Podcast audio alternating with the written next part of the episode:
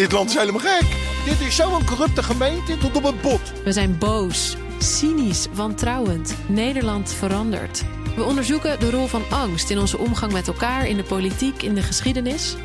Seizoen 2 van de podcast Polder in de Fik. Waarom we zo bang zijn. Abonneer je nu in je podcast-app. Dit is een BNR-podcast. Studio Den Haag. Voor veel mensen is het eh, de eerste werkdag van het nieuwe jaar. Het is een mooie dag om een beetje vooruit te kijken naar wat eh, 2024 gaat brengen. Bijvoorbeeld ook voor het klimaatbeleid. Zal er wat dat betreft veel veranderen als we een nou, toch wel behoorlijk rechtse regering krijgen waarover nu onderhandeld wordt. De PVV heeft bijvoorbeeld in het verkiezingsprogramma staan dat het klimaatbeleid door de shredder moet. Ja, maken klimaatexperts zich zorgen? Dat ga ik bespreken met Olof van der Gaag, voorzitter van de Nederlandse Vereniging voor Duurzame Energie. Welkom. Goedemiddag. En aan de telefoon Ed Nijpels, die jarenlang een centrale plek had in het Nederlandse klimaatbeleid. Onder andere als voorzitter van het Klimaatberaad. Meneer Nijpels, goedemiddag. Goedemiddag. Uh, ik wil uh, jullie allebei even twee zinnen voorhouden uit het uh, verkiezingsprogramma van de PVV, namelijk deze. Al tientallen jaren worden we bang gemaakt voor klimaatverandering, hoewel de voorspelde rampscenario's over de wereld die zou vergaan door de jaren heen steeds extremer werden. Is geen daarvan ooit uitgekomen. Dat is één zin. En de tweede is, we stoppen met de hysterische reductie van CO2, waarmee we als klein landje ten onrechte denken het klimaat te kunnen redden. Nou, meneer Nijpels, wat denkt u als u dat hoort? Eerste is natuurlijk onzin. We maken op dit moment in de wereld uh, maken we alle vormen en gevolgen van klimaatverandering mee. Van stormen, van droogte, van orkanen. Het, je hoeft de krant maar open te slaan of buiten rond te lopen of je ziet de klimaatverandering. En als het gaat over door de scherder halen, ja, als ik het heel kort mag samenvatten, is, is Wilders is eigenlijk, wordt de gevangene of is de gevangene van het, in het Europese klimaatweb. Want ons klimaatbeleid is eigenlijk zo uh, verweven met dat Europese beleid, met allerlei internationale afspraken, dat uh, ook als Wilders aan de macht zou komen, wat ik niet hoop overigens, mm. uh, dan mm. zal het heel lastig zijn om, om, om echt een breuk te forceren. Hij kan het wel vertragen en dat soort dingen, maar echt, dan moet je uit de Europese gemeenschap. Nou, en dat gaat, zie ik Nederland niet doen. Mm. Meneer Van der Graag, hoe kijkt u er tegenaan? Nou, het waren geen zinnen waardoor ik op de PVV heb gestemd. Zeker niet. Uh, het heeft geen enkele zin om klimaatverandering nog te ontkennen. We zien precies zoals de heer Nijpels zegt, overal extreem weer. Uh, overal ter wereld, maar ook in Nederland hebben we net het warmste jaar ooit afgesloten. Uh, extreme regen- en wateroverlast in de tweede helft van het jaar. Ja, het is heel zichtbaar. Dus klimaatverandering is al lang begonnen. En die ja. energietransitie is gelukkig ook al lang begonnen. Dus naast klimaatrecords verbreken we ook voortdurend duurzame energierecords. Zo kwam afgelopen jaar voor het eerst in de geschiedenis de helft van al onze stroom uit hernieuwbare bronnen. Dus ja. zon, wind, een beetje biomassa. Uh, dus die energietransitie die is niet meer te stoppen. Maar je kunt natuurlijk wel uh, ja, klieren en pesten, waardoor het allemaal nou een ja, beetje moeilijker wordt. Precies, u zegt het is niet meer te stoppen. Maar stel dat de nieuwe, uh, nieuwe coalitie inderdaad die klimaatwet gaat, gaat intrekken. het klimaatfonds opheffen. Het zou kunnen. Hoe erg zou dat zijn? Het kan wel, maar Nederland zit inderdaad vast in allerlei internationale verdragen, Europese afspraken. Dus bijvoorbeeld het Europese emissiehandelsstelsel zorgt ervoor dat de industrie en de elektriciteitssector in Europa vanaf 2040 geen ruimte hebben voor de uitstoot van broeikasgassen. Mhm. Dus alle schoorstenen die er dan nog in Nederland staan op fabrieken, die zullen schoon moeten zijn. Ja. Dus dat betekent dat Nederland zich razendsnel moet aanpassen om te zorgen dat die industrie er überhaupt nog is. Want het doel moet natuurlijk zijn dat wel de uitstoot weg is, maar niet dat de industrie weg is. Dus dat klimaatbeleid en bijvoorbeeld dat klimaatfonds, dat helpt juist die bedrijven om een cruciale omslag te maken in hun bedrijfsvoering. Ja. Juist om te zorgen dat we in Nederland economisch sterk blijven zonder dat we nog broeikasgassen uitstoten. Ja. Meneer Nijpels, waarvan vreest u nou echt dat het door de shredder zal gaan als zometeen de PVV toch aan de macht is met NSC, VVD en BBB? Ik sluit me aan bij, bij Olaf van der Gaag met zijn conclusie over wat er allemaal gewoon sowieso doorgaat, omdat we daar niks aan kunnen veranderen. Maar ik geloof er eerlijk gezegd niet in uh, dat de partijen die gaan samenwerken met de PVV, dat die dat klimaatbeleid of die klimaatwet en het klimaatfonds door de scherder halen.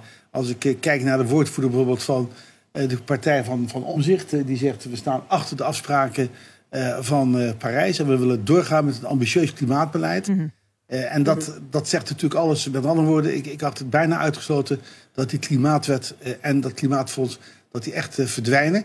Overigens ook voor de VVD geldt dat. de VVD is voor een buitengewoon ambitieus groen industriebeleid. Nou, daarvoor heb je dat geld uit het klimaatfonds nodig. Want als je als nieuw kabinet, even in, in de theorie, als een, een extreem rechts kabinet komt en die zouden alles willen afschaffen, dan breng je de, de, de industrie die nu juist stappen zet op weg naar verduurzaming, breng je harde klappen toe. Want eh, vroeger was het zo dat er werd gezegd, ja, als je strenge klimaatregels hebt, dan verdwijnt de industrie uit het land.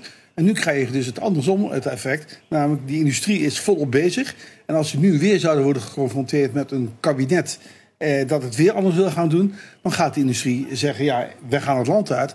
Want er is geen, eh, geen brood te bakken eh, van dat klimaatbeleid in Nederland. Dus ik ben daar even gezegd niet zo bang voor. Nee. Eh, ik denk dat die andere partijen, als die coalitie er wel komt, dat die verstandig genoeg zijn om. eh, eh, de heer Wilders gezellig in het Europese klimaatweb zich vast te laten praten. Dat kost een heleboel tijd en dat kost heel veel jaren. En wij gaan gewoon door in Nederland met het verstandige beleid zoals Ja. diverse kabinetten dat Ja. de afgelopen jaren hebben gevoerd. Nou, toch hoopt u dat de VVD niet gaat samenwerken eh, hè, met eh, de PVV.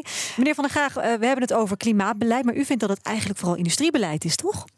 Ja, precies. De industrie die moet die grote omslag maken. Die moeten uiterlijk 2040 zorgen dat ze hun bedrijven geen CO2-uitstoot meer laten veroorzaken.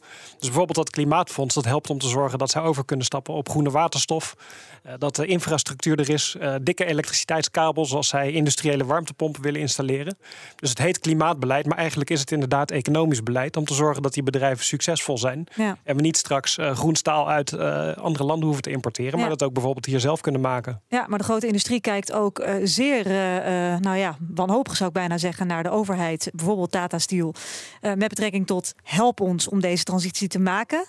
Wat denkt u, wat verwacht u van, van deze coalitie als deze er komt? Wat betekent dat voor de subsidie richting die bedrijven? We moeten inderdaad natuurlijk nog zien welke coalitie er gaat komen. Maar de VVD die zal denk ik vast blijven houden aan het klimaatbeleid voor de industrie dat er is. En dat betekent dus dat de industrie, als zij die omslag willen maken, daarvoor op steun van de overheid kunnen rekenen. Ja. Nog net voor de kerst heeft de Eerste Kamer ook het Klimaatfonds met een miljardensteun voor die omslag eh, goedgekeurd.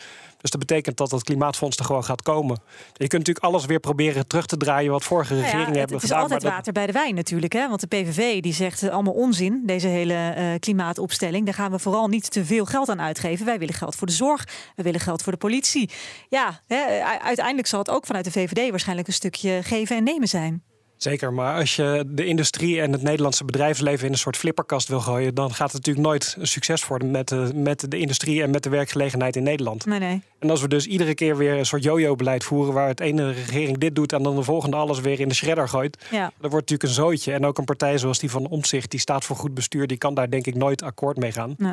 Dus ik denk dat de wetgeving die er is gekomen, dat die gewoon Dat die doorgaat. al staat. Maar dat het niet verbeterd wordt. Dat Alleen het het niet zal nog een stapje moeilijker worden om iedere keer weer dat schepje erbovenop Ja. te doen. En het klimaatbeleid bestaat uit honderden kleine beslissingen. Die zijn niet allemaal even sexy en even leuk. Maar die zijn wel heel hard nodig om nog sneller vooruit te gaan dan we gaan. En dat zal misschien wel moeilijker worden. Ja.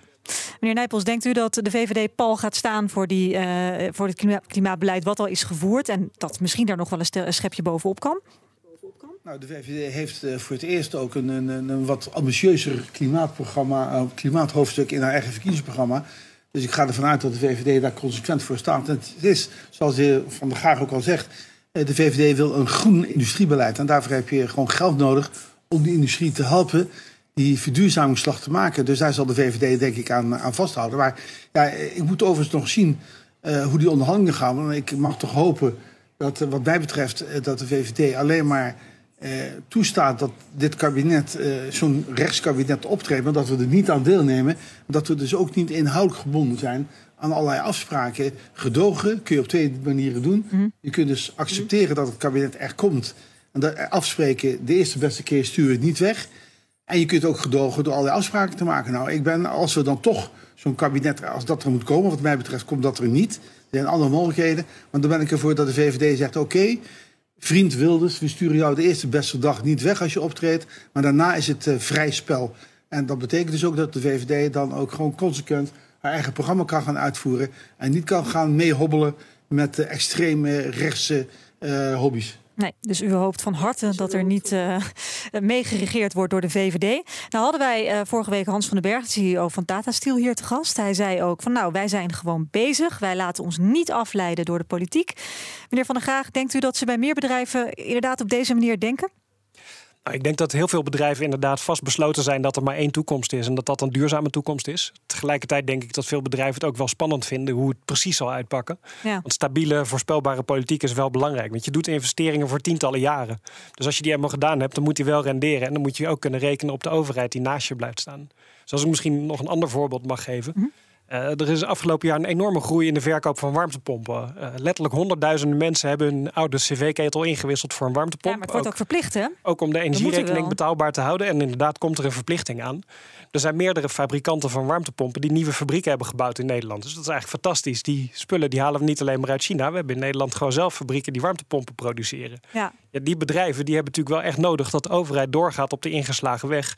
Dus dat er subsidies te blijven die het voor mensen aantrekkelijk maken om, om die honderdduizenden warmtepompen te gaan bestellen waar die bedrijven nu op rekenen. Ja. En ook dat die verplichting er uiteindelijk wel aankomt, want dat geeft wel duidelijkheid. Maar tegelijkertijd horen we ook van de zonnepanelenbranche dat het daar juist stagneert.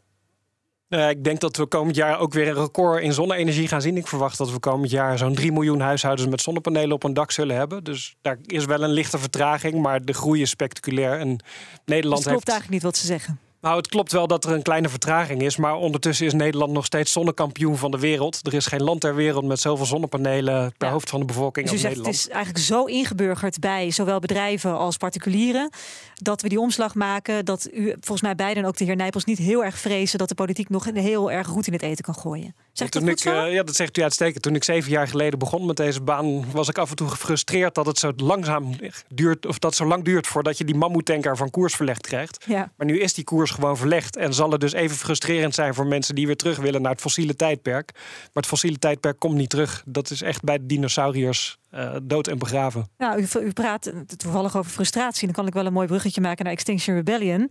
Die hebben natuurlijk eh, eh, afgelopen week weer de A10 geblokkeerd in dit geval. Bij het ING, oude ING-kantoor. Zij pakken het natuurlijk helemaal anders aan dan uw eigen duurzame vereniging voor energie. Of vereniging voor duurzame energie. Heeft u wat aan hen als, als medestander op dit vlak?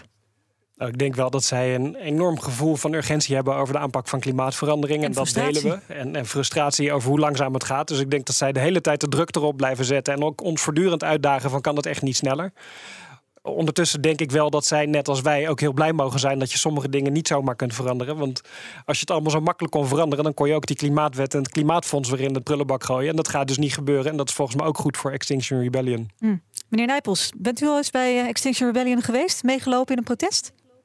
Nee, ik heb niet meegelopen in het protest. En ik vind ook niet al hun protestmethoden vind ik eh, verstandig beleid. Want als je mensen mee wil krijgen, eh, dan moet je niet eh, voortdurend hinder veroorzaken. Overigens, we zijn in het gesprek even nog voorbij gegaan aan het feit dat er allerlei Europese regels zijn, Europese Ja. verdragen. Ja. Eh, het verdrag van Parijs onder andere, waar Nederland aan gebonden is en waar Europa ook aan gebonden is. Dus ook als Nederland, als je als PVV eh, zou, zou willen stoppen met het, het klimaatbeleid, dan moet je uit de Europese gemeenschap eh, treden. Nou, eh, voordat je zover bent, als de politiek daar al voor zou zijn, en dan ben je eh, jaren verder. Dus wat dat betreft, wat ik al begon, in het begin van het gesprek zei, we hebben, Wilders zit gewoon gevangen in die Europese eh, wetgeving.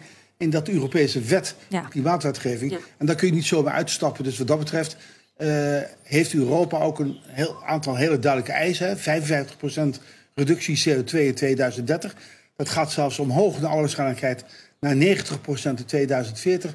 Dan zijn we straks dus aan gebonden. Ook Nederland, ook in Nederland onder eh, een eventuele eh, premier Wilders. Ja, dus wat dat betreft bent u hoopvol gestemd. Eh, nog heel even terug naar Extinction Rebellion, als het mag. U zegt, ik ben niet eens met alles wat ze doen. Ehm, is het wel goed dat er zo'n zo'n club als Extinction Rebellion bestaat?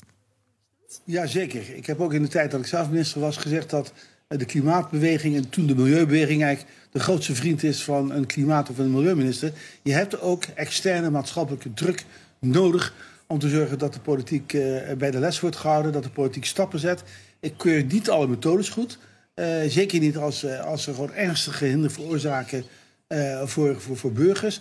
Maar maatschappelijke druk van als wij op een groot aantal andere terreinen, of het dan gaat bijvoorbeeld over, over, over abortus of euthanasie, om maar eens een keer een zware onderwerp te noemen. Als we niet de maatschappelijke druk hadden gehad van allerlei belangenorganisaties, dan waren we lang niet zo ver gekomen. Dus maatschappelijke druk, mensen die verontrust zijn, dat is prima om de, de politiek achter de voddel te zetten. Hartelijk dank. Ed Nijpels was eh, voormalig voorzitter van het Klimaatberaad. En ook natuurlijk dank aan Olaf van der Gaag, voorzitter van de Nederlandse Vereniging voor Duurzame Energie.